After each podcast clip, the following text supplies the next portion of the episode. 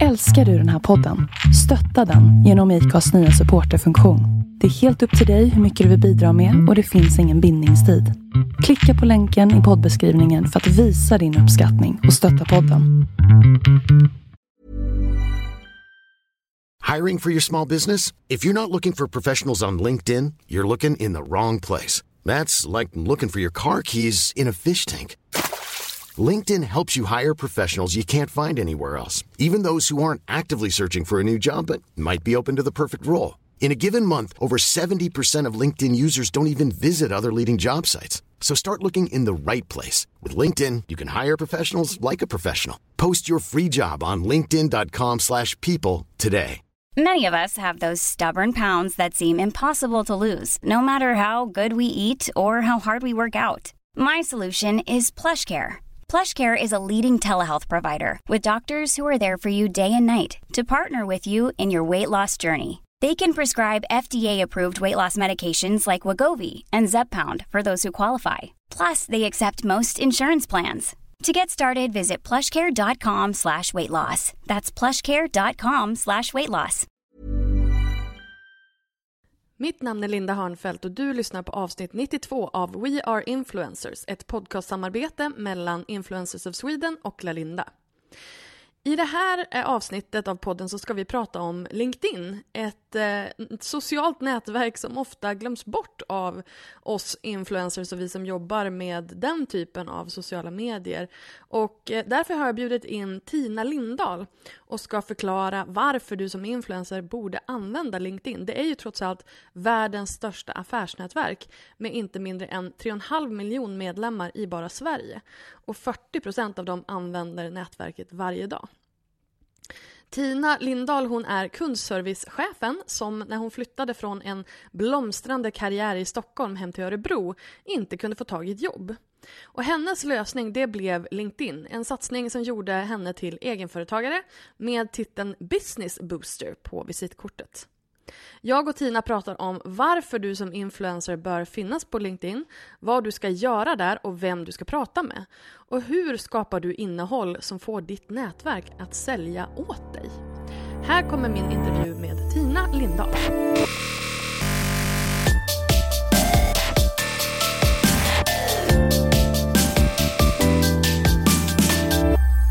Jag har fått min första förfrågan om ett samarbete och jag har noll koll på vad som är rimlig ersättning. Jag har ju inte så stort konto. Är det lön i form av kläderna jag får som gäller då? Är det något mer jag bör tänka på? Känner du igen dig? Så här ser många DM och mejl ut som jag får från up and coming influencers som är i starten av sin karriär och inte riktigt känner sig säkra på hur reglerna ser ut eller vad man borde ta betalt. Undrar du hur hela friden du ska gå tillväga för att ta betalt för samarbeten i sociala medier? För dig har jag skapat en gratis guide där jag tar dig igenom steg för steg hur du bör räkna när du sätter ihop ett erbjudande till en potentiell samarbetspartner. Gå till www.lalinda.se ta betalt för att ladda ner guiden. lalinda.se ta betalt. Hej och varmt välkommen till podden Tina Lindahl. Tusen tack. Tack, tack. Du är här idag i din egenskap av eh, LinkedIn-expert. En ja. titel som du också använder om dig själv. Hur, hur kommer man till den platsen att man kallar sig själv för expert utan no shame? utan no shame? Eh, det är ändå när man har fått höra tillräckligt många gånger utav andra eh, när jag blir hänvisad till som en LinkedIn-expert. Eh, I början satt inte det bra alls hos mig eftersom jag fortfarande känner att jag inte eh, kanske kan alla funktioner eh, på LinkedIn som man bör kunna. Du kan inte jag... alla skåp och skrymslen och liksom Nej. sådär? Nej. Nej. Eh, liksom klicka här och... Jag tror inte utvecklarna kan det heller. Nej, Nej. men för mig det är liksom definitionen av en expert mycket, att det är någon som ska kunna eh, liksom till stora delar allt som är kopplat till en produkt eller tjänst. Det jag är duktig på är ju att få plattformen att bli liksom en säljkanal. Mm. Eh, men har fått epitetet av andra och känner att eh, okej okay då. Men nu står det, nu, står, nu är det liksom din så här, du vet, det är din, det är din titel. För dig eller för, för mig själv? Ja, både och. Nej, jag har ju inte skrivit det någonstans. Det står inte i min profil, det står inte på min hemsida. Jag kallar mig själv för en business booster. Business booster, det är din, your technical term.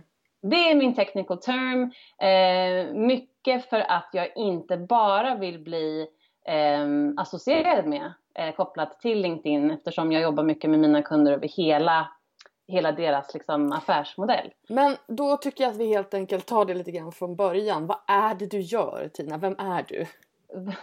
Två frågor på en gång. Mm -hmm. jag tycker att I just den här podden så går de väldigt mycket in i varandra.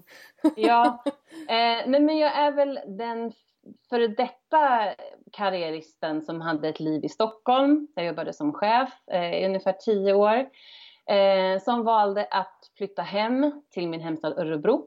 Eh, hade supersvårt att komma in på arbetsmarknaden för det var svårt att dissekera det jag kunde liksom och, och sätta in mig i, i en rätt roll eller på rätt företag.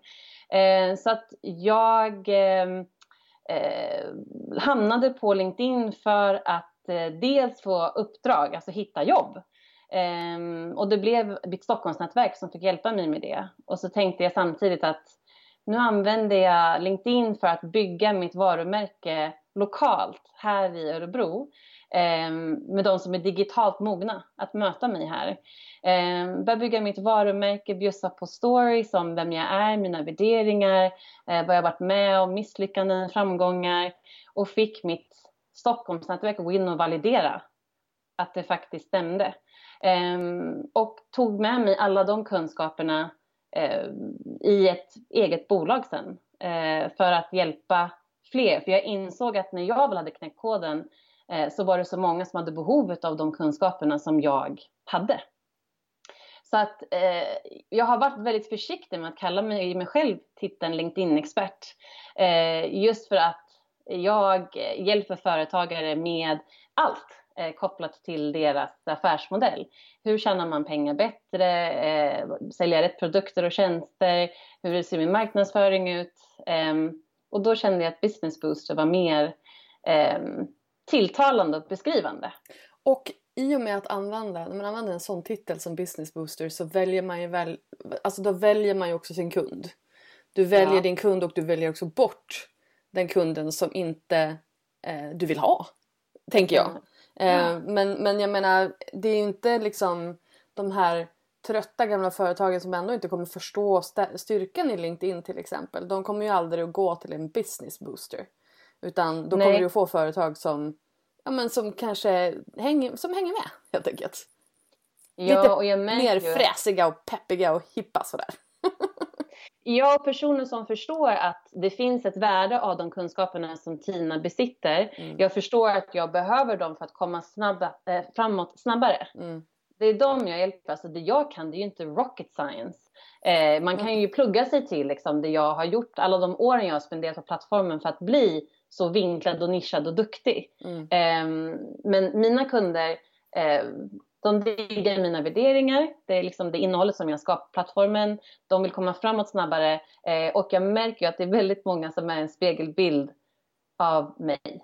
Mm. Alltså så, man attraherar ju sina jämlikar, speciellt liksom på sociala kanaler där man ger ut mycket av det här är jag, det här står jag för och det är mina värderingar. Då lockar jag ju till mig också de som diggar eh, mig. Så att jag har många med plusmeny och extra allt människor. Liksom så. Underbart. Det, det, det, that's my kind of person. Jag tror att det är därför också som du och jag klickar så bra. Ja, plusmeny men det här är... extra allt liksom. Ja. um, men, jag måste ja. faktiskt flika in här mm. eh, i den här historieberättandet då, liksom, om hur jag har kommit dit jag har varit. Att när jag kom hem till Örebro och eh, insåg att jag, jag får, har ingen plats, liksom, jag kommer inte in på arbetsmarknaden. Så tänkte jag att nu ska jag skapa en blogg. Så ska jag berätta om hur svårt det är. Eh, bloggen hette A Happy Life, för det var det jag ville till då. Mm. Ett lyckligt liv i Örebro mm. från att ha jobbat jättemycket i Stockholm. Eh, och det här var ju jätte, alltså jag hade ingen erfarenhet överhuvudtaget, tyckte det var skitsvårt rent tekniskt att bara sätta upp en hemsida. Mm. Och det här är ju ja, fyra år sedan nu då. Mm. Så är det en kompis som tipsar mig så bara, du måste gå in på Betsy bloggers. det är så roligt. Och då fick jag upp ögonen för dig. Oh, eh, ja, och bara, du, om du liksom ska vara med här så ska du ha en följarskara. Nu kommer jag inte ihåg hur många det var. Var det typ tusen eller tio nej, nej, men, nej men vi har ju aldrig, vi har aldrig haft någon, eh, någon Nej, följarskara-gräns. Nej. Nej, Nej, nej, nej. Nu, nu kommer du med falsk vittnesbörd här.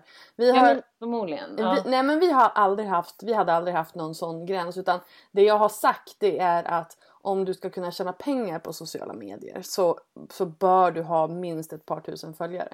Fattar. Så det Mm. kanske var det som jag mm, eh, mixade ihop nu då Ja. med, med det andra. Men jag kommer ihåg att jag tänkte då att men gud, tänk att vara i den positionen där man har så många människor Mm. som faktiskt följer en liksom, och som tycker att det man bidrar med av värde. Mm. Och nu några år efteråt så sitter jag dels här med dig, vilket är ja, Mm. men, otroligt smickrande för mig att, att få liksom bidra till det du gör. Eh, men också att jag har några tusen följare. Men alltså visst är det här, så- måste jag fråga, hur gick det med bloggen? Nej men det gick ingen bra. Alltså, jag insåg ju att jag var väldigt oteknisk. Levererade vi Eh. inte vi på Better bloggers? Nej men jag kom ju aldrig så långt Nej. i processen liksom. För Nej. jag tyckte att det var lite, ni var lite för coola för mig. Eh, Men faktiskt. Tina, vi är Ja, så men- jävla ocoola. Ja men du kommer ju höra nu när vi pratar hur oteknisk eh, jag är. Eh, så för mig var det så här, nej men de kommer aldrig ta emot mig. Så kände jag. För att eh, jag har ju Mm. inget innehåll, jag har precis börjat och jag är typ en 35-årig tvåbarnsmorsa och liksom hur intressant är jag? Tills jag insåg. Ja precis, Ja. jag bara, jag vill bara slap Ja, men all förstår. of us down. Ja. Tills jag insåg att det är 35-åriga morsor som, som verkligen levererar content. Ja precis. Och, det handlar ju inte om det. Det handlar inte om hur, hur gammal man är eller hur många barn man har. Men det handlar om att man har någonting att säga och att man har någonting, och, någonting att liksom ja, men bring into the world. Men det är så roligt också för vår gemensamma vän Elin Häggberg på Teknifik. Mm. Hon gick ju med i Better bloggers. Hon hade inte startat någon blogg. Hon, hon var också helt, hon var i och för sig rätt teknisk eh, med Ja. tanke på hennes inriktning. Men, Mm. men hon hade ju aldrig liksom hon hade ju ing, ingenting på plats då. Hon var ju Nej. helt färsk när, Mm. hon, när hon kom med i Better bloggers. Och eh, jag menar idag är ju hon... Eh, ja, jag skulle kalla henne Sveriges eh, främsta teknikbloggare. Jag vet. Mm. Det, alltså, hon, ja, men det tror vi båda är väldigt så... Eh, Imponerade. Alltså, upp till henne. Ja, Verkligen. verkligen. För Hon är- vad hon åstadkommit. Ja, herregud. Och jag menar, hon är också det exempel som jag alltid använder eh, på liksom hur, hur, hur långt man kan komma och hur bra det kan gå om man bara har en tydlig strategi, ett tydligt mål och liksom faktiskt ger sig efter det.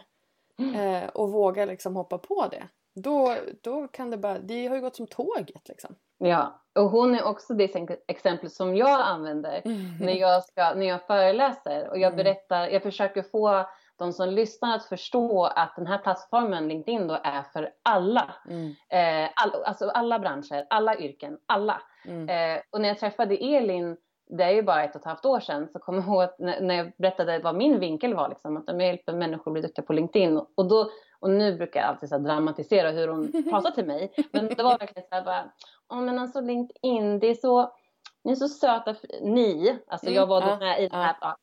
Ni har precis börjat med rörligt. Det är så gulligt. Alltså jag med i tio år, men nu kommer ni. Liksom så. Och jag kommer ihåg att vi pratade business då. Liksom. Jag sa, men hur tjänar du dina pengar? Liksom? Var, hittar du, var hittar du dina uppdragsgivare? Mm. Ja, men det är genom bloggen, liksom, att den växer och sådär. Jag sa, men var tror du liksom, beslutsfattarna sitter någonstans? Vart finns de? Mm. I ett samlat forum. Mm. Och då den tystnaden blev ganska talande. Talande. Den finns ju på LinkedIn liksom. Så att jag Ja. brukar använda henne mycket för att visa vilket typ av content som hon bidrar med nu Mm. till plattformen. Vilket är liksom så krisp och så bra för att Ja. utbilda sin målgrupp. Verkligen. Men alltså eh, backa bandet lite grann här för att eh, du, du säger liksom du har haft chefsjobb innan, flyttade hem och sådär. Vilken bransch rörde du dig inom då?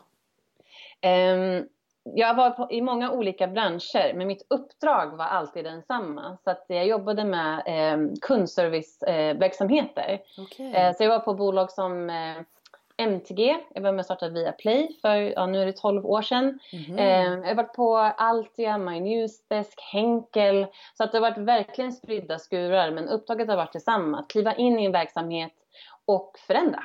Och Mm. förbättra och utveckla.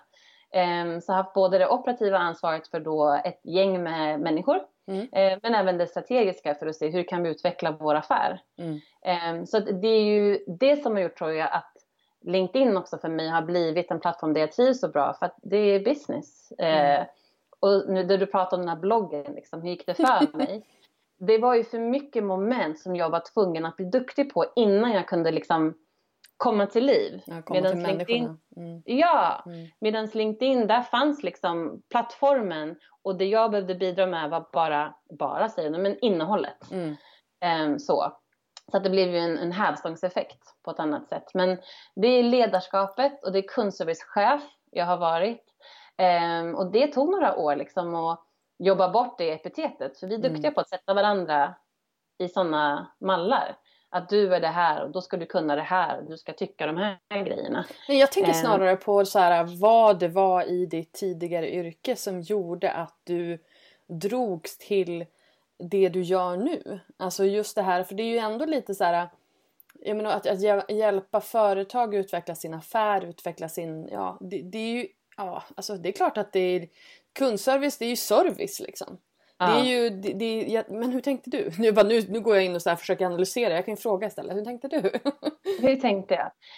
Um, nej men, hade någon frågat mig 2015, eh, Tina vad jobbar du med 2019? Då hade jag ju aldrig sagt det här. Mm. Det här blev ju en lösning på en nödsituation. Där jag kom hem och jag fick inget jobb. Jag använde LinkedIn som en typ av plattform för att bygga varumärke och bygga Eh, en ingång till arbetsmarknaden här. Där jag ville att min Stockholmsnätverk skulle gå in och validera att Tina hon är duktig på business. Men sen blev jag också väldigt irriterad över hur omogen arbetsmarknaden var, att man inte kunde ta hand om en person som mig. Mm. Och genom att jag var väldigt öppen om det, det var det mitt innehåll handlade mycket om, liksom att ja, men hur tar man hand om en talang? För jag var definitionen av en talang. Mm. Eh, så fick jag ju också en, ett eh, starkt nätverk av personer som var i samma situation. Mm. Och då kände jag så här, eh, när då LinkedIn började jobba åt mig, där jag kände att nu har jag byggt den här närvaron där jag har ett nätverk som faktiskt pushar mig eh, och ger mig uppdrag.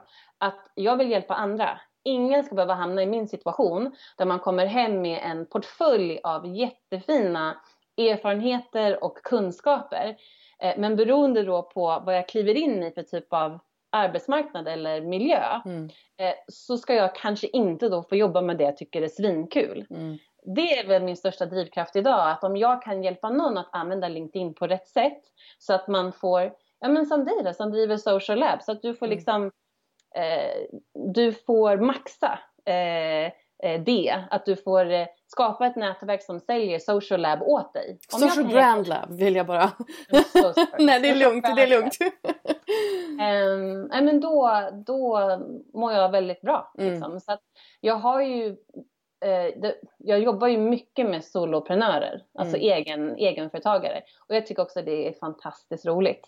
Um, för det finns en kreativitet och ett driv eh, och en energi där Eh, och en riskbenägenhet mm. som passar mig väldigt riskbenägenhet, mycket. jag gillar det. Därför att det är ju eh, ja, men det är just det här när man är helt själv. Då är man ju också, alltså man står ju och faller med alltihopa liksom.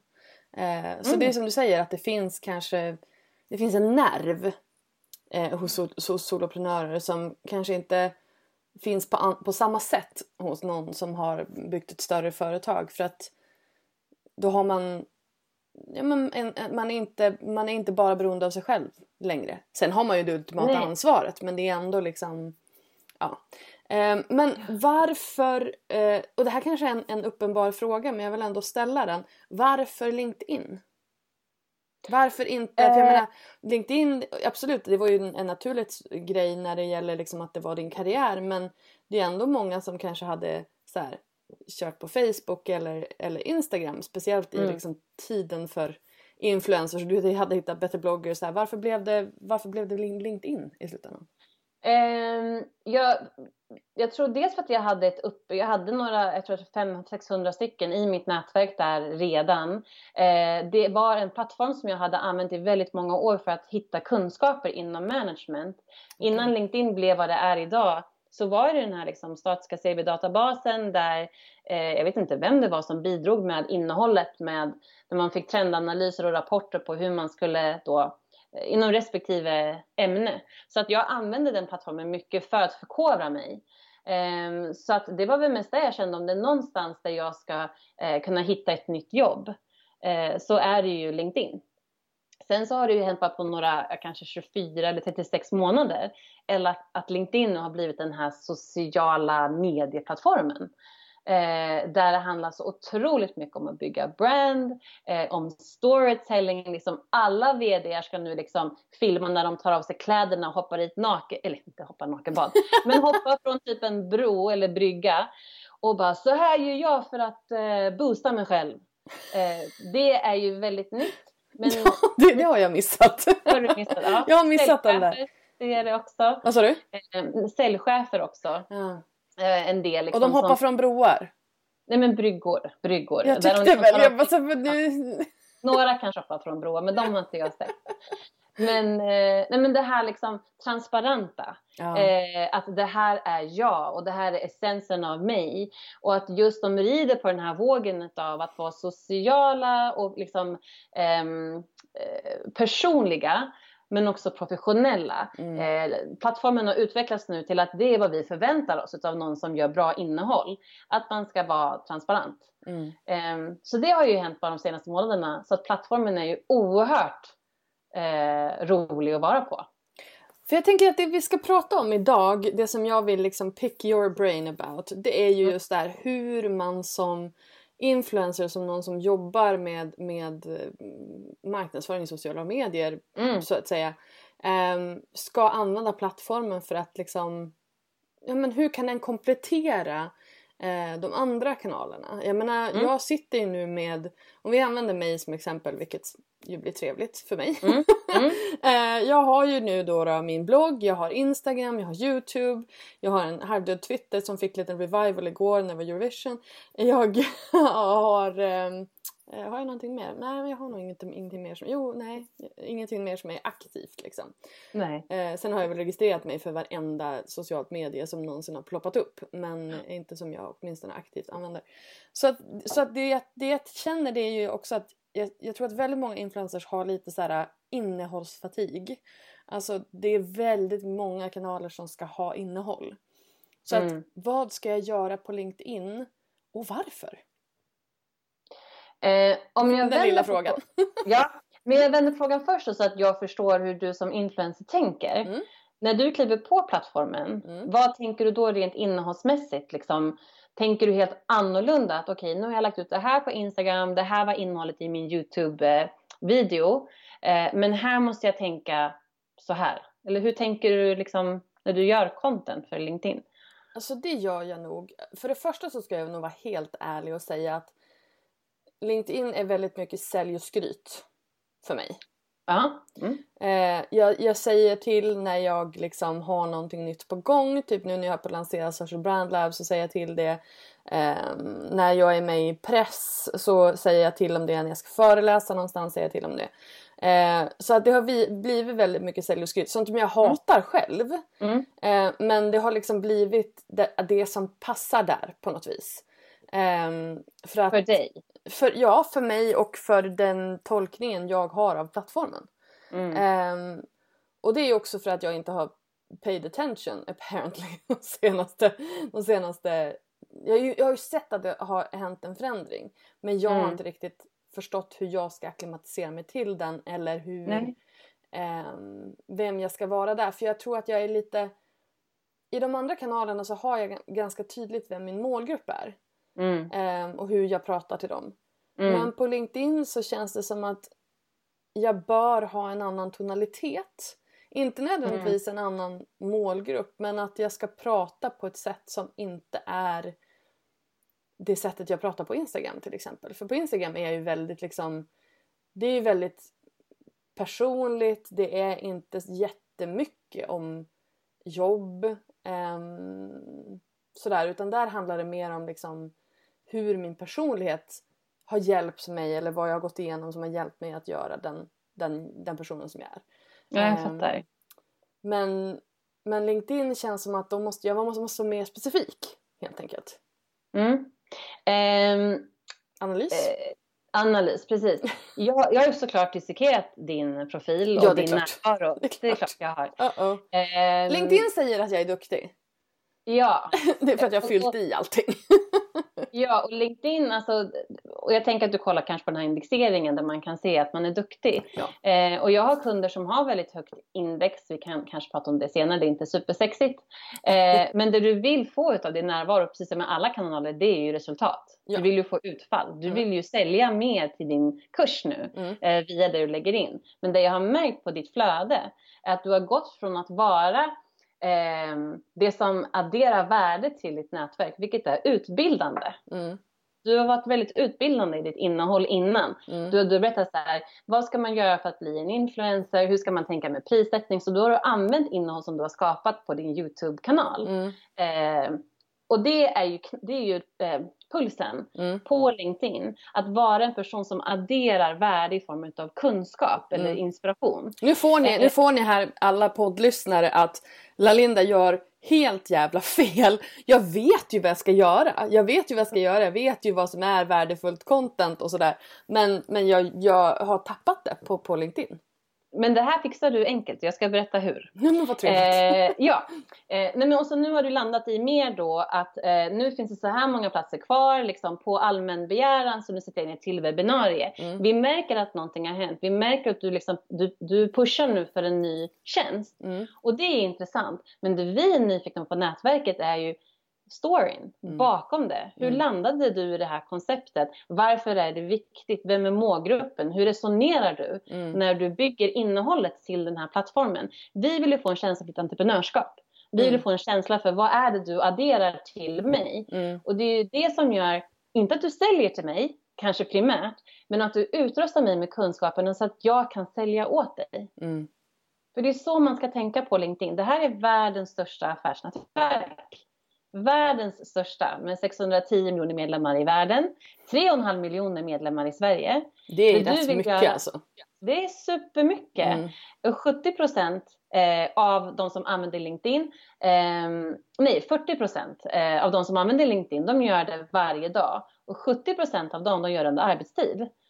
Så att det här är en väldigt levande plattform där du kan nå människor väldigt snabbt. Mm. Och det är liksom business, så det är okej att vara här under arbetstid. Ehm, men vad var det jag ville säga nu med det? Ehm, jo, men med dig, att du sa förut, jag lyssnade på lite klipp eh, innan vi började eh, prata nu, där du pratade om vad, vad är en influencer liksom? Och det handlar om att addera värde. Mm. och du adderar värde eh, genom att vi förstår att du bygger din business och det erbjuder någonting. Men det jag skulle vilja se, det är ju processen Mm. eh, bakom det. För det som händer då är att du blir top of mind hos mig. Jag tycker att du är aktuell och duktig. Eh, och genom att du pushar ut innehåll till ditt nätverk och jag är en del av ditt nätverk eh, och jag interagerar med dig. Då skjuter jag ju ditt innehåll till mitt nätverk Mm. av några tusen personer. Och genom att de tycker att jag är en person som de har förtroende för och jag visar att jag diggar vad du gör. Då säljer jag åt dig. Mm. Så det är så här liksom LinkedIn Och det här är ju i stort sett så är ju det här exakt samma Det här är ju exakt samma sak som, som alla andra sociala medier funkar. Ja, Det är ju precis samma, alltså det är samma drivkrafter. Det är samma s- typ av algoritmer vilket gör att, liksom, att det sprids per automatik etc. Och det gör, och det är också liksom ja, men det, det är ju ingen, det är inget annorlunda. Det är bara men vad är då mitt problem i det här? För nu, alltså vi har mig som exempel men jag kan tänka mig att det är väldigt många som, som känner just det här att ja, men nu har jag gjort det här för Instagram, jag känner min publik, publik på Instagram. Facebook, ja alltså absolut, det funkar lite här på sidan av. Jag har bloggen. ehm, men vad, vad finns kvar liksom? Och vad, hur ska jag paketera det för, för att platsa på LinkedIn liksom? Jag brukar säga att det som är självklarheter för dig Mm. är oftast nyheter för oss andra, för Mm. målgruppen. Det som du känner så här, men gud, alla vet väl hur man gör en Insta-story? Nej, så är det inte. Alla vet väl vad influencer marketing är? Nej. Alla fattar väl vad en social media consultant gör? Nej. Så är det inte. Det är ju de personerna, jag när jag säger de här frågorna så är det mycket för att jag själv sitter och bara, jag har ingen aning. Nu har jag lite mer aning för att Elin har varit så snäll och liksom utbildat mig väldigt mycket. Men det hon gjorde när hon klev på plattformen var ju att göra liksom inläggsserier där hon utbildade sin målgrupp i vad är influencer marketing? Ja. Och hon var såhär, Kina det känns som att jag dumförklarar mitt nätverk. Mm -hmm. Det gör du inte. Och responsen blev ju enorm. Mm. Jättemycket liksom engagemang i tråden och var såhär, tack snälla för att du förenklar det här. Det är så många buzzwords, liksom, det gäller att hänga med, jag kan känna mig föråldrad. Men det här var jätteenkelt, det här är ju precis vad vi behöver. Och då känner jag spontant, om hon har gjort det, det behöver inte jag göra, det är ju redan gjort. Jo men, men om man tänker, om ni alla influencers skulle tänka så i alla kanaler. Alltså så det är likadant, jag får höra från eh, mina kunder, och, eh, jag jobbar mycket med coacher och föreläsare, mm. men det här gör väl alla? Så bara, ja men det finns, eh, det finns en målgrupp till oss alla. Det mm. finns kunder till alla. Och du har ett sätt att uttrycka dig som är särskilt från Elin. Och genom att du säljer dig, dina produkter, alltså du, du, är ju varumärket som du säljer. Mm. Då måste vi få en känsla för din tonalitet, hur du förklarar, hur du eh, marknadsför och pushar för en produkt eller tjänst. Sen kanske om innehållet är liknande till vad Elin säljer så vill jag få en känsla för dig. Mm. Man, man gör ju affärer med en människa. Mm. Eh, det märker man ju liksom att det finns ju många influencers där ute som jag menar man kanske har en lifestyle-blogg. Eh, det finns ju väldigt många som gör just det. Mm. Men så är det vissa företag som attraheras till en, en viss persons kanske värderingar, mm. vinkel, tonalitet, känsla, eh, historik, framtid. Det är ju liksom så man ska tänka att eh, du har någonting unikt att addera. Vilket du verkligen har. tack, tack, Linda, tack, för, tack för eftertrycket. Um, Men då, då tänker jag att du, då ska du få dela med dig idag av fem olika sätt som man då som influencer kan gå tillväga för att få LinkedIn att jobba för en. Vad ska man som influencer med LinkedIn till? Eh, ja, först och främst skulle jag säga bara ha en, ha en närvaro där. Eh, jag har tagit fram lite, lite statistik här nu. Det lovade att jag skulle göra Mycket till dig. Mycket bra, jag gillar det. Ja, Mm. Jag kollade på plattformen för att se hur många använder ordet influencer mm. i sin profil. Någonstans mm. i sin profil. Eh, I hela världen. 263 000 personer. Av 610 det miljoner. ingen. Nej. Och så kollar jag i Sverige. Mm. Hur många använder ordet influencer i sin titel i sin professionella profil på LinkedIn? Hur många influencers finns det skulle du säga? Ja, men alltså, det är en helt omöjlig fråga. Det beror på, beror på det är en definitionsfråga. Men jag ja, skulle och... säga att det kanske finns ett tusental. Mm. 365 stycken mm. finns på LinkedIn. När jag sen söker på ordet influencer marketing mm. i, över hela världen mm. för att se hur många jobbar med influencer marketing. Då är det ungefär 10 miljoner. Runt om i världen. Mm. Och i Sverige är det 65 000 som jobbar med influencer marketing. Alltså att Oj, hitta är, samarbeten. Jag tycker det är rätt många. ja, men att skapa ja. samarbeten, att hjälpa företag. Det är inte sådana som är influencers själva, Nej. utan de har det i sin portfölj. Mm. Det kan vara reklambyråer eller konsultbyråer. Och de finns där. Men det här tror jag också är anledningen till att folk inte använder ordet influencer om sig själva. Det är för att det, för det första har det fått dåligt rykte. Mm. Eh, att det är liksom, ja men att, att man känner som att om jag ska kalla mig själv för influencer, det känns lite för mer. Det känns lite som att då tycker man att man är lite viktig eller, eller det är också någonting som är ett jättestort problem, det är att det är jättemånga som kallar sig för influencers men som inte är det. Jag fattar det och jag, jag kollar igenom lite profiler mm. eh, som fanns på LinkedIn och vissa känner jag ju igen från andra kanaler. Mm. Eh, de hade ganska liksom, halvtaskig närvaro mm. eh, faktiskt. Eh, där det nästan känns lite lojt. Det blir så här, men varför ens vara på LinkedIn? Liksom? Du har skapat sånt fantastiskt bjussigt eh, eh, innehåll och sånt värde för, dina, för din målgrupp i andra kanaler. Mm. Men varför är du här om du inte gör någonting? Så att för att svara på frågan varför ska en influencer finnas på LinkedIn så är det ju dels för att liksom skapa ett digitalt visitkort. Eh, genom att LinkedIn besöks av, av över 300 miljoner personer varje dag och man kanske skriver in då namnet på en influencer så finns ju chansen att din LinkedIn-profil kommer väldigt högt upp om du nu inte har en blogg mm. som besöks av väldigt många människor.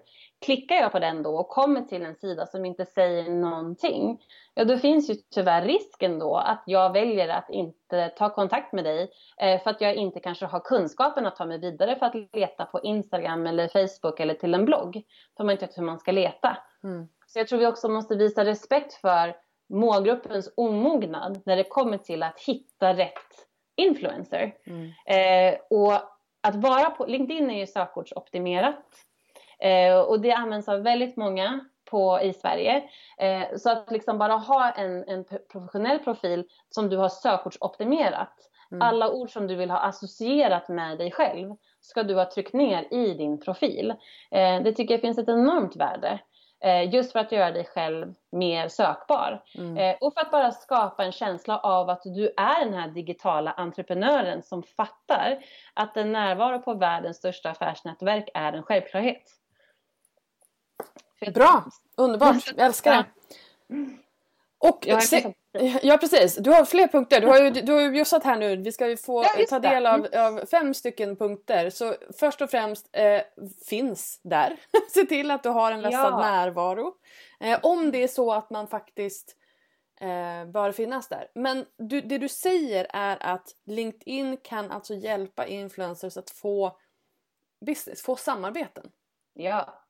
Jag menar bara genom att ha att vara sökbar och ha en professionell profil som andas samma typ av tonalitet och känsla och kanske kreativitet som det innehållet du gör eh, i dina andra kanaler.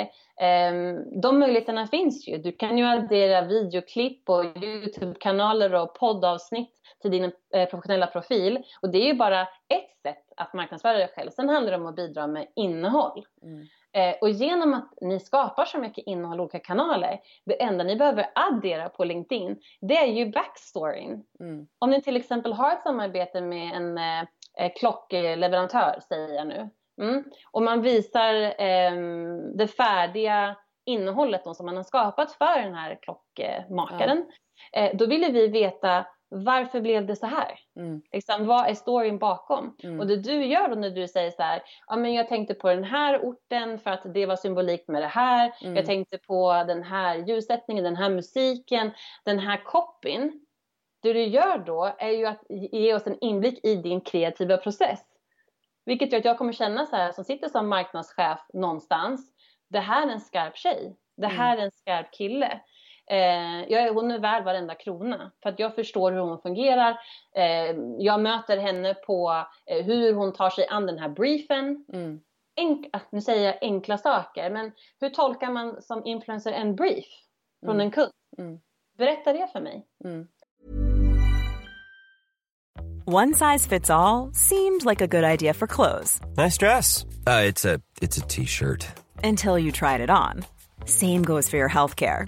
That's why United Healthcare offers a variety of flexible, budget friendly coverage for medical, vision, dental, and more. So, whether you're between jobs, coming off a parent's plan, or even missed open enrollment, you can find the plan that fits you best. Find out more about United Healthcare coverage at uh1.com. That's uh1.com.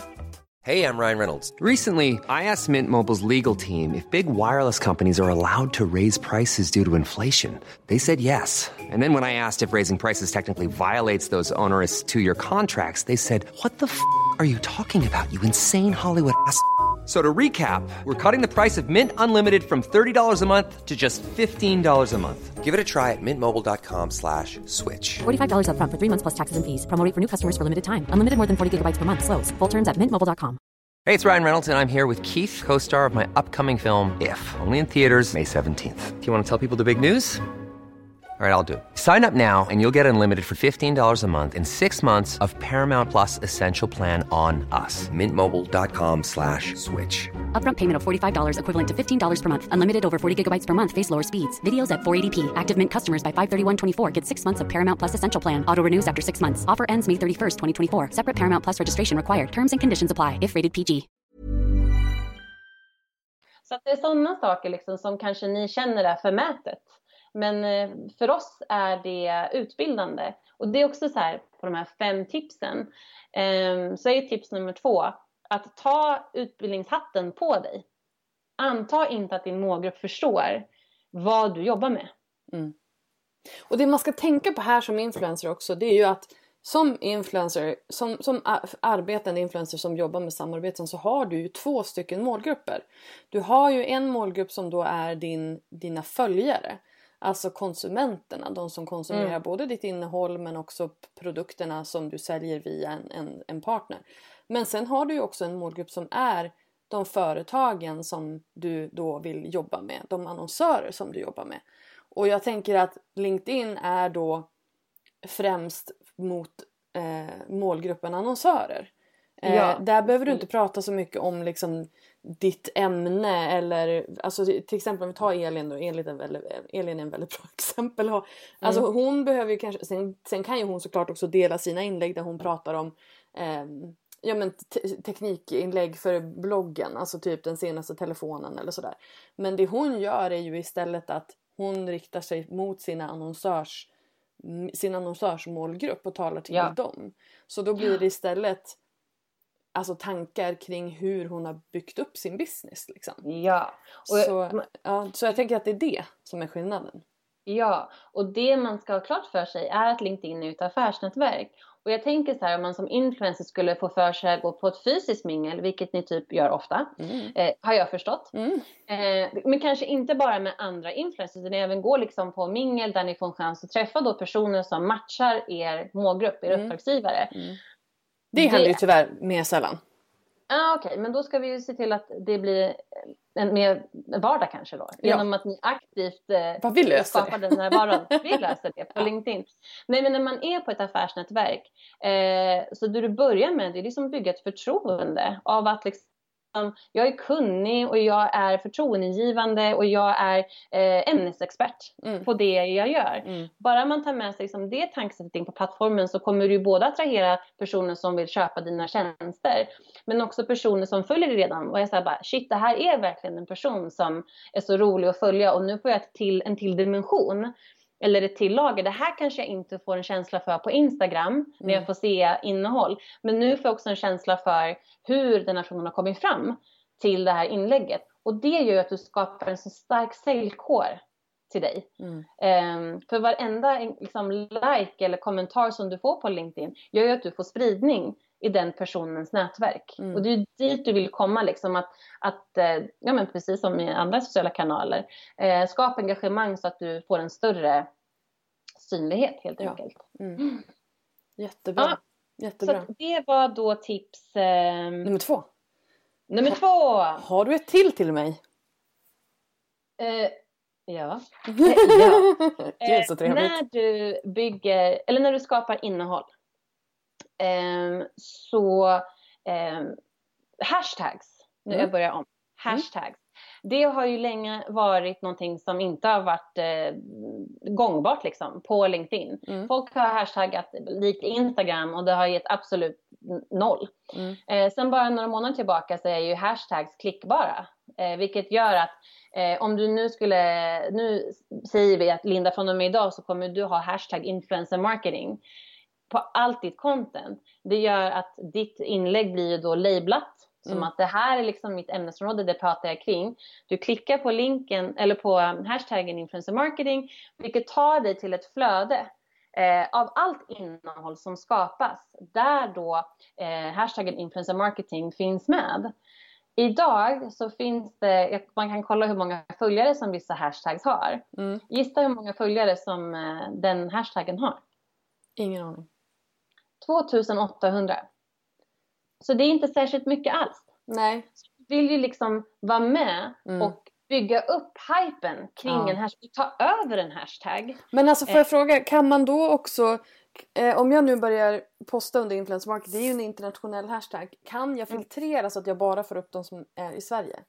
Nej, tyvärr mm. inte. Boo. Boo! Men det som är fint är ju att många andra kan ju få upp ögonen för dig. Jag kollade på hashtaggen influencer marketing och det kommer du också göra nu när vi har lagt såklart, på förmodligen. Mm. Eh, det skapas väldigt bra eh, content i, eh, i Sverige. Eh, men det finns också branschledare som pratar om det i USA och i Australien. Och jag menar bara för dig då att, att börja kommentera Mm. på deras innehåll och liksom sätta din vinkel. Och det här är också inkluderat nu i tips nummer tre, är vi Mm. på va? Eh, Kopplat till innehållsskapande. Eh, bli duktig på att kommentera andras inlägg. Så har du nu följt upp liksom hashtaggen Vi var på tre. Tre var hashtags. Är detta fyra då? Ja okej då, men jag har ju mer att bjussa på. Men eh, jag tänker så här, innehållsskapande, bara hur man ska tänka. Vi pratade om den här kanske idétorkan, liksom, vad ska jag addera för dimension på LinkedIn? Mm. Ett annat sätt att addera värdet i ditt nätverk, men också för dig att bli attraktiv för andra som jobbar som ämnesexperter inom kanske influencer marketing. Det är ju att börja kommentera på det innehållet som skapas av andra i ditt nätverk eh, som pratar i samma ämne. Så att du också skapar en community av personer som tycker att men shit, Linda är ju svinskarp när det kommer till influencer marketing. Säger typ Jules Lund som sitter i Melbourne och har byggt upp Tribe som är Mm. branschledande i Melbourne. Mm. Så kommer du in och börjar berätta din take på hur influencer marketing är i Sverige. Vem vet, det kanske är början till någon typ av samarbete. Så att det är så här liksom LinkedIn fungerar, att det gäller att veta de här små tipsen och tricksen. Jag fick ju faktiskt en konferensförfrågan från London eh, via LinkedIn. Du Alltså ser. prata på en konferens. Mm. Ja, Mm. så att liksom det finns sådana enorma möjligheter men det gäller att vara, vara vinklad liksom och ha en, en eh, tanke på i vilket ämnesområde ska jag vara expert och Mm. att sen labla sitt innehåll med hashtags. Det är inte som Instagram nu, det är inte 50 hashtags men kanske så här 5-6. Mm. Eh, och att hålla dem ganska både generella men också specifika. Så att för dig då, Social Brand Lab, Mm. det skulle bli en hashtag och den blir din. Mm. Eh, för då vet du också sen om du vill, eh, men kanske du pratar med någon som är osäker. Mm. Då kan du vara så här, men du, bara klicka på den här hashtaggen liksom, och kolla på vad jag, vad jag skapar i ämnet. Mm. Det är ett väldigt tacksamt sätt att liksom skicka vinklade, vinklat innehåll. Väldigt. Okidoki. Vi kör vidare. Vad är vi uppe i nu? Fem? Ja, okej. Det, det kanske blev Men- tio men, istället. eh, Eh, det är ingen som vet. Ja, men jag tror vi har liksom bjudit in, vi har, vi har samlat in det här, men tänk business. Mm. Det här är ett affärsnätverk. Eh, det är en ställ och marknadsföringskanal. När du går på fysiska affärsnätverk, eh, om du inte skulle dela ut visitkort, om du inte skulle pusha för vad du är duktig på, då är du dum i huvudet. Ja, lite. Alltså det är därför man går. Det är lite onödigt att vara där i så fall. Ja, så att, och tänk likadant på LinkedIn. Liksom. Jag är här för att promota mig själv. Mm. Jag är här för att berätta, precis som du pratade om i klippet som jag hittade på Youtube. Liksom, den här passionen, Ja. passionen som du pratar om. Visa passionen genom att vara närvarande ehm, och berätta vilket problem löser du. Mm. Vad är du kapabel till att lösa för problem med dina kunskaper, med liksom ditt nätverk, eh, med det du besitter. Mm. Det är ju jätteviktigt. Eh, och att sen liksom återanvända det innehållet som du redan har skapat för att komma igång. Mm. Nu har jag, jag har ett sista tips då. Oj, oj. Ja, Här var vi femma. Mm. spännande. Ja, det är ju att bygga ett strategiskt första nätverk.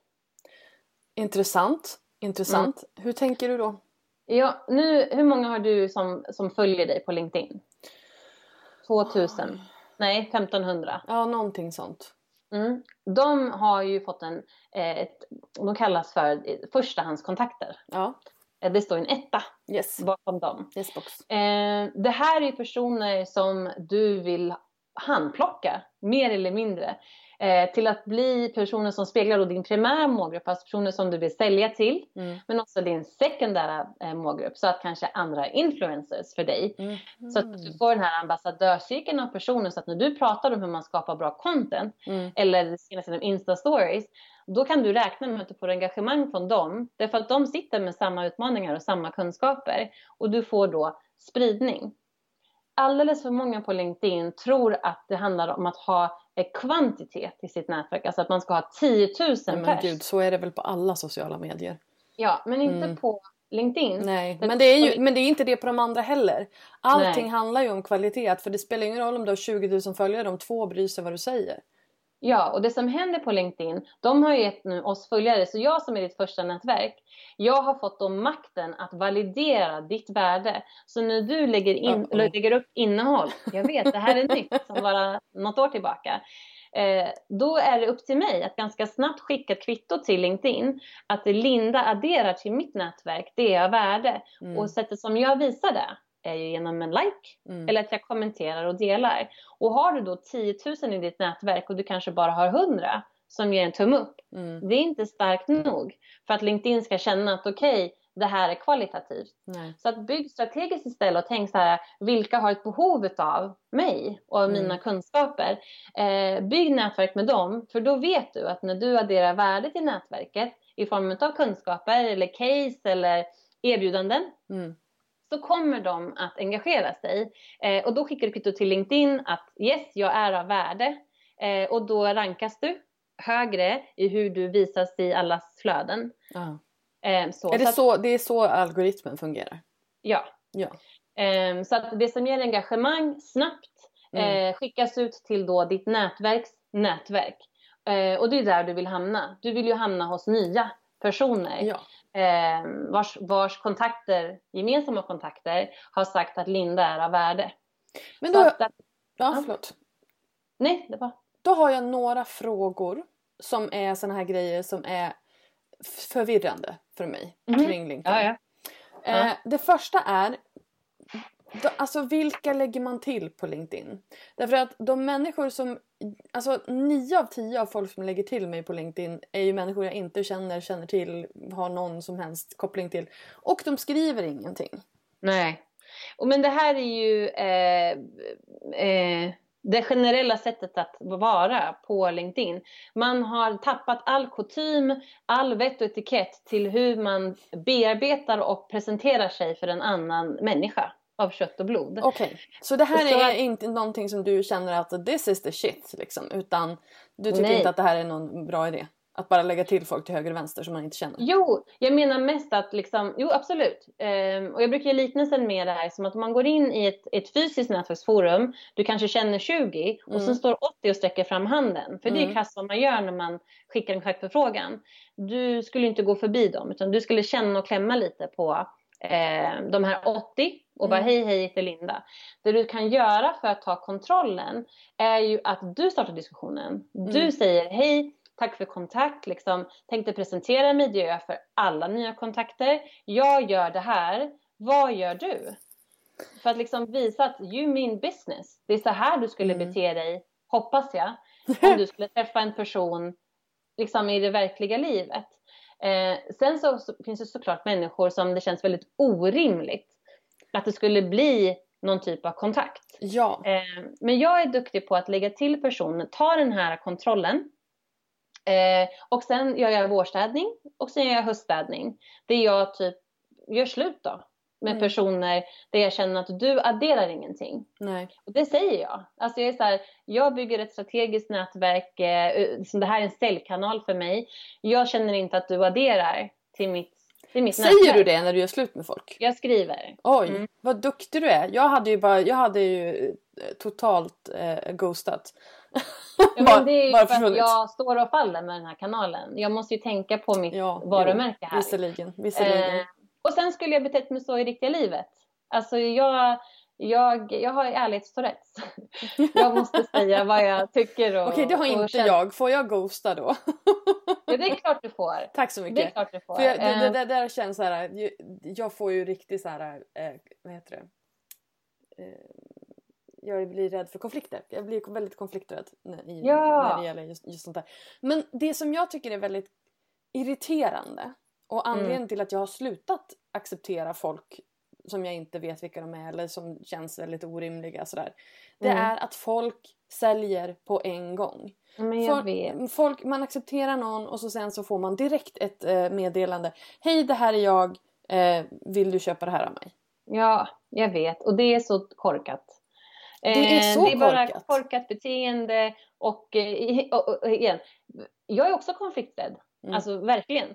Men jag, jag, jag tänker att jag gör dem en tjänst genom att jag utbildar dem i hur man ska bete sig. Så att när någon gör så till mig så brukar jag säga så här, ja men typ tack för kontakter för ditt meddelande. Bara en fråga, när du träffar en person första gången, säljer du på en gång? Mm. Och då blir det så här, nej det gör jag inte. Varför gör du det här? Mm. Alltså det här handlar om att bygga relationer. Så att jag är med dig där. Det är jobbigt att bli såld på. Men ja, jag tar den rollen i alla fall där jag mer markerar liksom att testa den här approachen istället. Jag gör det ibland men i och med Ja. att jag i och med att också LinkedIn inte är min primära kanal och jag inte alltså jag känner inte att jag har tid att lägga Fattar på det. det. Jag fattar det. Ehm, utan det lägger jag hellre då på liksom jag vet inte, på, på personer som faktiskt är genuint intresserade av vad jag gör eller den jag är. För Ja. att i, i sådana där situationer så känns det bara som att okej, du vill ha någonting av mig Mm. och det är därför vi är här. Ja, jag fattar Ehm, det. Och det tycker jag inte känns så himla fräscht. Nej, så det du skulle kunna göra då istället för att liksom addera människor om du känner så här, "Ugh, orkar inte, det är allt för många som bara säljer på en gång. Ja. Det är ju att utvärdera de här 1500 som du har idag. Mm. Hur väl liksom speglar de här 1500 personerna som jag behöver för att nå mina mål. Mm. Så att börja där istället liksom, Ja. och börja, börja snacka med dem. Mm. Det tycker jag är en väldigt det är en bra, just det här att städa liksom på något vis. För att eh, det, det som är med LinkedIn som är lite klurigt det är ju att på LinkedIn så har man ju kontakter eller kompisar som man har på Facebook. Alltså du måste Mm. acceptera en kontakt så. Men på Instagram då är det ju bara folk som följer dig. Mm. Eh, och du följer kanske dem tillbaka eller inte men där finns det liksom ingen det finns ingen uttalat krav att liksom, om du följer mig så ska jag följa dig. Eh, men det finns det ju på, på LinkedIn på, på det sättet i och med att det, är, det handlar om att acceptera kontakter. Mm. Eh, och det är det någonstans som jag tycker är lite lurigt därför att det är en plattform där man inte, för på, på Facebook accepterar inte jag folk som jag inte har träffat. Eller haft Det- liksom kontakt med. Nej. Ehm, och på LinkedIn så måste man ju liksom göra det om man ska ta det, det forumet framåt. Så. Men det blir ju, förstår du vad jag, where I'm getting at? Alltså just det här att det blir lite komplicerat när de två möts. Mm. För att man har inte kanske någon utvärderingsstrategi som inte tar hundra Nej. år. Ja men precis. Och jag brukar säga att det finns ingen quick fix på LinkedIn. Det Mm. här är ju, alltså du bygger ett affärsnätverk. Mm. Eh, och det gör man över tid. Och det tar tid och energi. Ehm, man kan inte förvänta sig att man kan stöta in innehåll på LinkedIn. Mm. Och att det ska ge ett resultat. Utan ska du välja kanalen som en sälj och marknadsföringskanal Mm. då måste du lägga lite tid i början ehm, för att dels utvärdera vem ska du ha i ditt nätverk, eh, vilka har jag i mitt nätverk, men också så här, vilken strategi ska jag ha? Mm. Vad ska jag ha för nätverksstrategi?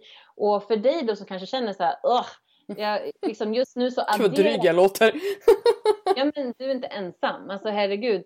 Eh, Det är, det är lite siraps eh, syndromet Mm. på LinkedIn. Liksom. Det är en social plattform. Det går inte lika snabbt som alla andra kanaler. Man kan inte få liksom, ett breakthrough på det Mm. sättet som man kanske kan men på Youtube om man liksom lägger upp någonting som är svininspirerande. Mm. Ehm, men för dig då som känner så här, men just nu så här, jag adderar ingen ny och det är bara jobbigt. Du skulle ju kunna välja att, att göra din profil till att man bara kan följa dig. Så att- Aha. Ja, vet du, här kan jag en funktion. Interesting. Eh, men man bara kan följa dig och om man då vill ta kontakt med dig så måste man göra det via ett in-mail. Och Mm. då vet du liksom att de som faktiskt kontaktar dig, då är det skarpt läge. Mm. Det här är ett kvalitativt lead som vill någonting mer. Mm. Ehm, och då vet du också att om du bara, om du bara blir följd, säger jag nu, ehm, eftersom då tar du bort hela aspekten av att nätverka, utan du bara Ja, ja. det är ju en envägs liksom, Ja. dialog. Eh, men du kan ju bli väldigt duktig på att addera content. ja. Eh, att Det är det sen jag kan. Ja! För att jag blir lite stressad av nätverksgrejen just nu. Ja, Men då kan Mm. man, fast det kan man väl ändra eftersom också. Alltså man kan byta igen sen. ja. men så att man tänker igenom så här. Vad är min nätverksstrategi? Hur Mm. mycket tid har jag? Vad vill jag, vad, vad vill jag uppnå? Mm. eh, på LinkedIn. Eh, jag, jag googlade eh, innan vår sittning eh, största influencers 2018. Mm. Eh, och fick upp liksom en lista på ett x antal namn. Eh, och de tre som är i toppen, eh, en finns inte på LinkedIn, en har bara 29 connections, en finns och har liksom lite högre antal connections, men jag måste addera henne för att få tillgång till Till hennes, till hennes till henne. material? Ah, Ja. okej. Och för mig är det här liksom... Jag, jag tycker det är fascinerande. På samma sätt som du blir så här bara, du finns inte på Instagram Tina, herregud. Så, så Nej, liksom- kan, vi bara, kan vi bara ägna en liten stund åt det faktum att visst, du är grym på LinkedIn, Ja. men de andra sociala kanalerna Ja. är inte riktigt ditt eh, Nej. forte. Nej. Du, har, Ja, nej. du har ett stängt konto på Instagram. ja, det Eh. vet jag ju inte ens om själv att jag har. Men mm, ja, Ja, du hade det i alla fall. Du kanske har låst upp det nu, eller? det, det tror jag inte. Nej. Eh, nej men eh, förklaringen till det är ju enkel. Och det är, alltså Facebook tycker jag ju som forum inte är så superkul. Eh, jag går inte igång på det formatet. Jag går inte igång på innehållet som jag presenteras med. Eh, jag... Söta kattungar. Vad är det för fel på söta kattungar? Ja, precis. Nej, men det, och så på Instagram, och men här tror jag att det är mitt eget fel att jag har valt att följa personer som lever ett väldigt annorlunda liv än vad jag gör. Mm. Jag får lite prestationsångest. Jag kan känna så här, men gud, kan de leva det här livet och ha samma kanske livssituation Mm. som jag? Men de kan ändå åka iväg på en weekend till Rom eller de kan sitta och liksom dricka champagne klockan två på eftermiddagen. Eller, Ja, men här behöver vi ha ett annat samtal. Därför att Ja. ett, ett eh, allt som händer på internet är inte sant. Och, det jag- är, och två, eller det är sant men det är inte hela sanningen. Nej, Eh, och jag fattar och det. just det här också att på Instagram, för det här tycker jag, det här tycker jag är någonting som är superviktigt. Jag pratade med någon om det i häromdagen, men jag vet inte om det var ett offentligt forum eller inte. Nej. Men det som jag har tänkt på mycket på sistone, det är just det här att på Instagram så slår du ihop allas verkligheter. Du scrollar och så slår du ihop allas verkligheter till en. Mm. Och i ditt huvud så blir det som att det är en person som har gjort alla de här grejerna. Vilket gör att du får jättemycket prestationsångest och du känner men gud hur, kan alla ha så fantastiska liv? För du, du tror typ någonstans att det var samma person som var till Rom och Paris och Dubai på samma vecka liksom. Mm. Eh, och det är också de som har det här, alltså att, att alla är alltid skitsnygga och aldrig har liksom nå- nå- några problem. Eh, vilket också är samma problem, för att gå lite utanför, men det är också samma problem som när influencers, när, när man då gör eh, annonser, alltså reklam. Om man är så här bara, ja men jag gör ju bara ett samarbete i veckan. Ja fast ditt samarbete slås ihop med alla andra samarbeten. Vilket gör att man som konsument eh, blir reklamtrött. Mm. Och det måste vara riktigt jävla bra för att det ska vara värt det. Eh, Då är det Mm. lättare att göra på bloggen för där är man inte riktigt lika ehm, Alltså där är man inte ri- lika kritisk. Men i och med att Instagram är ett flöde av information som allting bara bakas ihop. Mm. Så följer du då... Jag menar det är som... Folk tror att... Jag hade en period där jag tränade väldigt mycket och folk är såhär Du tränar hela tiden. Jag bara, ja alltså jag tränar två gånger i veckan. Men tack! Jag lägger upp det på, in, på, på liksom Instagram stories när jag gör det. Och Ja. därför tror folk att jag gör det hela tiden. Men Mm. det är ju bara liksom en väldigt liten del av min verklighet. Men det blir liksom någons, alltså det blir andra personers sanning. Därför det är också det de plockar ut ur Mm. det som har hänt, det som jag har gjort. Jag fattar. Men här vill jag slå ett slag för att ta ansvar för ditt eget välmående och ditt eget Instagramflöde. Mm. Avfölj allt som inte får dig att må bra. Men jag gör det. Jag, satt, jag, jag, jag har inte Instagram-appen ens. Eh, för att jag blir så stressad. Och så var jag hos min frisör häromdagen. De hade öppnat en ny salong. Och hon var så här bara. "Eh, Kolla in vårt Instagram-flöde. Och jag bara. ah, Okej jag gör väl det då. Mm. Eh, laddade ner appen. Liksom klev in, klev, klev in igen i det här flödet. och kände på en gång så här bara. Det här är en drog. Ja. Alltså det är en drog. Och så tänker jag så här. För att jag får höra oftare och oftare nu. Tina, liksom, du borde vara på Instagram.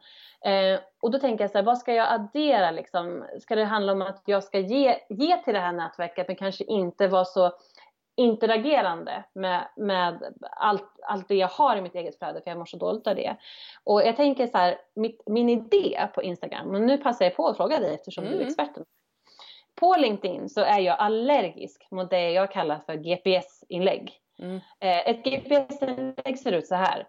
Eh, det är en bild, en svindålig bild på någon typ av föreläsningsforum eh, mm. så, där man ser liksom huvudet på folk. Mm, nej, nu är jag i Hudiksvall och lyssnar på hållbar arbetsmiljö. Nej. Det där, Då vet det jag där. att, att jag får panik av det för det, är så här, det här är så otroligt ointressant för mig. Det är ointressant på alla plattformar. Det är enda plattformen som det kanske funkar på är Facebook. Ja, men det jag tänkte, eftersom jag själv inte gör det. Eh, jag missar ju möjligheten att eh, berätta för mitt nätverk att jag är igång. Liksom att jag har den här det, kunden. That's, de här what, that's what stories are for. Ja, och det G var det, det är GPS-bilderna, det är stories. Ja, och då tänkte jag så här, kan det här vara mitt forum där man får följa med mig på mer så här en day to day basis? Liksom att nu är jag här, nu gör jag det här, nu adderar jag det här och medan LinkedIn då blir forumet där jag är så här, så här tänker jag gällande content. Eh, det här är mina fem bästa tips, liksom, där jag verkligen adderar mer djupgående hur du själv ska agera på plattformen. Och det Vad kan du också om... göra på Instagram. Problemet mm. som med liksom den här GPS-inläggen det är ju att du behöver ju fortfarande ta bra bilder. Ta bra bilder ja. Ja. Så ja, du måste ju fortfarande ja. ha bra bilder när du ja, gör dina GPS-inlägg. Liksom. Jag har en ny iPhone nu med den här porträttfunktionen. Ja, och jag är helt utmärkt. utmärkt. Ja, jag, tar så, jag tar så snygga bilder nu. Så. Ja. Perfekt, perfekt. Nej, men, men alltså... Det var det jag tänkte som vinkel på, på Instagram för mig. För att mm. jag också ska bli motiverad. Eh, och att det inte känns spammigt. För att på LinkedIn, eh, och det är också ett tips till influencers. Eh, på LinkedIn så behöver du inte posta varje dag. Nej, vad det, det jag tänkte fråga. Hur ofta behöver jag posta och ja. när på dagen ska jag posta? Ehm, så första frågan då, hur ofta? När du har byggt upp ett kvalitativt eh, nätverk så det räcker med att posta kanske en gång i veckan, en gång varannan vecka. För genom att det är så kvalitativt så kommer det här inlägget att ha ett liv. Det kommer liksom åka runt eh, och landa hos olika personer. Mm. Och varje gång som du får ett like eller en kommentar då får du ju ny luft liksom under vingarna mm. och fortsätter att leva. Eh, och det som också är viktigt på LinkedIn det är att du finns tillgänglig för att engagera dig i eh, inputen som du får. Alldeles för många på LinkedIn lägger in ett inlägg och bara yes, nu är jag uppe liksom i 5000 visningar. Men de kanske har 80 likes och de har 56 kommentarer som de bara struntar i. Mm. Det här är ju människor som har sagt till dig, du adderar värde till mitt flöde. Så att mitt tips är att liksom tänka less is more att börja skapa kvalitativt content där du jobbar med tiden du lägger på LinkedIn. Det handlar om att bearbeta engagemang och mm. att bearbeta nya kontakter. Mm. Bygg nätverk med de personerna som diggar det du gör mm. genom likes och kommentarer. Ehm, Absolut, det där, och det där är ju samma sak på Instagram. Just det här att faktiskt när du har lagt upp någonting Don't post and ghost som man brukar säga. Alltså just det här utan, utan faktiskt stanna kvar, svara på kommentarerna. Alltså det är därför jag tycker du är så cool, för du har så mycket sådana här roliga uttryck. Ja, det är inte mina. Jag har snott Nej, men det, dem. I don't care. Det, alltså, du har snott dem och jag, jag, ja, men jag, jag gillar just don't post and ghost. Alltså, post, mm. Lägg inte upp någonting och så sen försvinner du. Därför att mm. på Instagram så är det ju också så att det är de första 15 minuterna typ som, som är viktigast. Så att efter mm. att du har lagt upp en bild och folk börjar kommentera då ska du mm. svara på de kommentarerna på en gång. Ja, För att då, då märker Instagram att nu är, nu, nu, nu är hon här, nu, är, nu händer grejer. Nu mm. sprider mm. vi vidare det här. Um, är, det, är, det, det, är det liksom en, en algoritmgrej på LinkedIn eller är det bara common sense? Eh, det är nog båda delarna. Igen det här med att liksom ehm, eh, första nätverket validerar ditt värde genom att gilla, engagera och kommentera. Det är klart att man tappar, om jag skulle liksom vara flitig med att engagera mig i vad du skapar mm. och sen skulle du liksom inte ens eh, Nej, se mig. Det är klart. Det är klart, eh, det är klart jag skulle känna så här, liksom douche. Jag skulle känna vad gör hon det här för? ja. eh, så att det handlar nog mer igen om att liksom bygga det här förtroendet att eh, du är närvarande och att du finns där och att mm. när du adderar värde till nätverket så är det på riktigt liksom. Det är mm. inte bara för att du kan mm. utan du gör det för att du vill. Den här passionen igen då. Och, och tid, då, tid på dagen? Ja. Eh, det här är siffror för Sverige. Ehm, mellan 7 och 8 på morgonen. Så att inget för dig antar jag. Ingenting för mig. Jag kan tidsinställa. ja precis. Eh, och sen mellan fem och sex ja. eh, på kvällen. Är inte och det ju... intressant? Är det liksom när man kommer till jobbet innan man ska gå hem? Ja. Ja. Eh, och sen säger de att det finns statistik som visar att för att man ska få mycket delningar så är det klockan 10 och klockan 14. Eh, och det är ju för att då tar vi raster. Mm. Eh, så då kollar vi våra flöden och så bara shit det här var bra liksom. Mm. Mm. Så engagerar man sig i det. Eh, jag brukar egentligen säga liksom målgrupp. Var, liksom, om du... Eh, alltså min målgrupp är ju soloföretagare så de sitter ju inte kanske liksom vid Nej. datorn sju, mellan sju och åtta på morgonen och eh, inte om de är jag i alla fall. Nej. Eh, eller, eller där på ska du posta runt lunch. Okay. Vi delar samma målgrupp, eh, det är soloprenörer. Eh, vi äter ofta lunch själva. Mm. Eh, och då gör vi det framför datorn. Yeah. så att då brukar jag få jättemycket engagemang när jag postar runt 11-12. Eh, Oj, dina, dina jag... soloprenörer tar tidig lunch? Den här soloprenören äter lunch mellan ett och två typ. Ja men du ser, ja, men då vet du det. Så ja. då, och det Fast folk liksom... är inte som jag. Det är ju tydligt. Jaha, du pratar om dig själv. Ja. eh, ja men då, men då kommer förhoppningsvis då eh, eh, ditt, din målgrupp kanske har det här spannet mm. eh, mellan kanske 11 och 1. Att, mm. man, att man käkar lunch. Det är då man ska in där och peta in. Men hörru du, alltså här, vi har ju fått med oss fantastiskt mycket och jag har blivit ännu mer pepp på mitt sommarjobb vilket är att styra upp min LinkedIn-närvaro. Eh, Bra! Det är liksom mitt sommarprojekt. Men eh, Tina, var hittar man dig någonstans? ja, man hittar ju mig på LinkedIn då. Eh, min profil, man kan addera mig där. Eh, eller på min hemsida skillex.se. Eh. Ja, S-K-I-L-L-X, bokstaven x.se. Ah, mm. eh, där finns jag. Men LinkedIn är ju liksom min, min valda plattform och eh, kanske inom en nära framtid att jag skapar ett eh, LinkedIn-konto eller ett eh, Instagram-konto. Mm. Det, ska, det ser vi fram emot. Då, då kommer eh, jag att meddela i alla fall när det är dags för detta. Bra. Men tack snälla Tina, jag tror att det här behövde jag höra och eh, därför också många med mig. Eh, så det här tar vi med oss och eh, förhoppningsvis implementerar. Så lägg till oss på LinkedIn. Och skriv någonting, skriv så här, ja jag hörde i podden eller någonting så att, ja. så att ni inte är såna här spammiga personer som ska sälja du vet kosttillskott så fort jag blir tillagd. Får jag slänga en grej till bara? Du får absolut göra det, this is your show.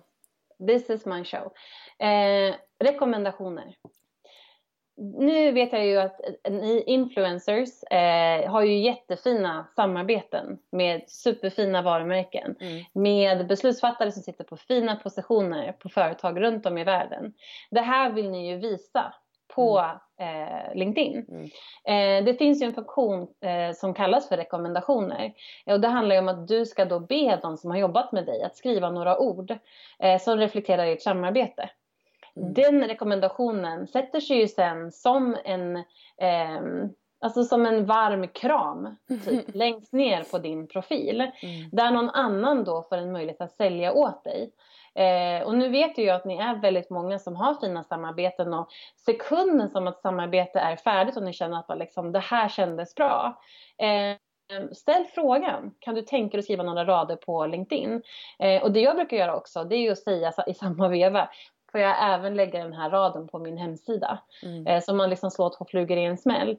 Eh, och det är ett väldigt, väldigt enkelt sätt att få eh, ja, men höja din profil ett snäpp till. Mm. Eh, och många tycker också det är väldigt roligt att få addera värde på det sättet och få berätta för alla att liksom, vi var så nöjda med det här samarbetet. Och det är också ett oskrytigt sätt för en influencer att kunna säga till en ny uppdragsgivare, om du kollar på min LinkedIn-profil och läser mina rekommendationer så kan du se liksom att jag, eh, man är nöjd med mig.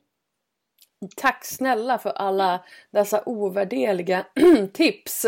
Ja. Pleasure. För, tack för att du var med på podden. Ja men tack för förtroendet.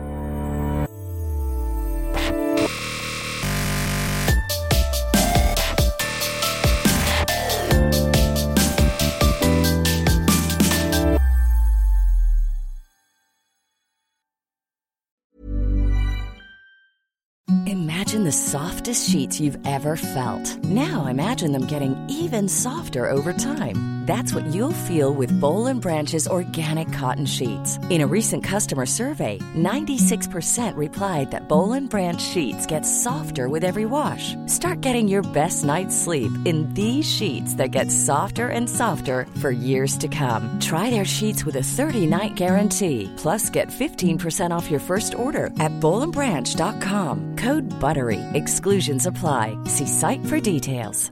Even when we're on a budget, we still deserve nice things. Quince is a place to scoop up stunning high-end goods for 50 to 80% less than similar brands.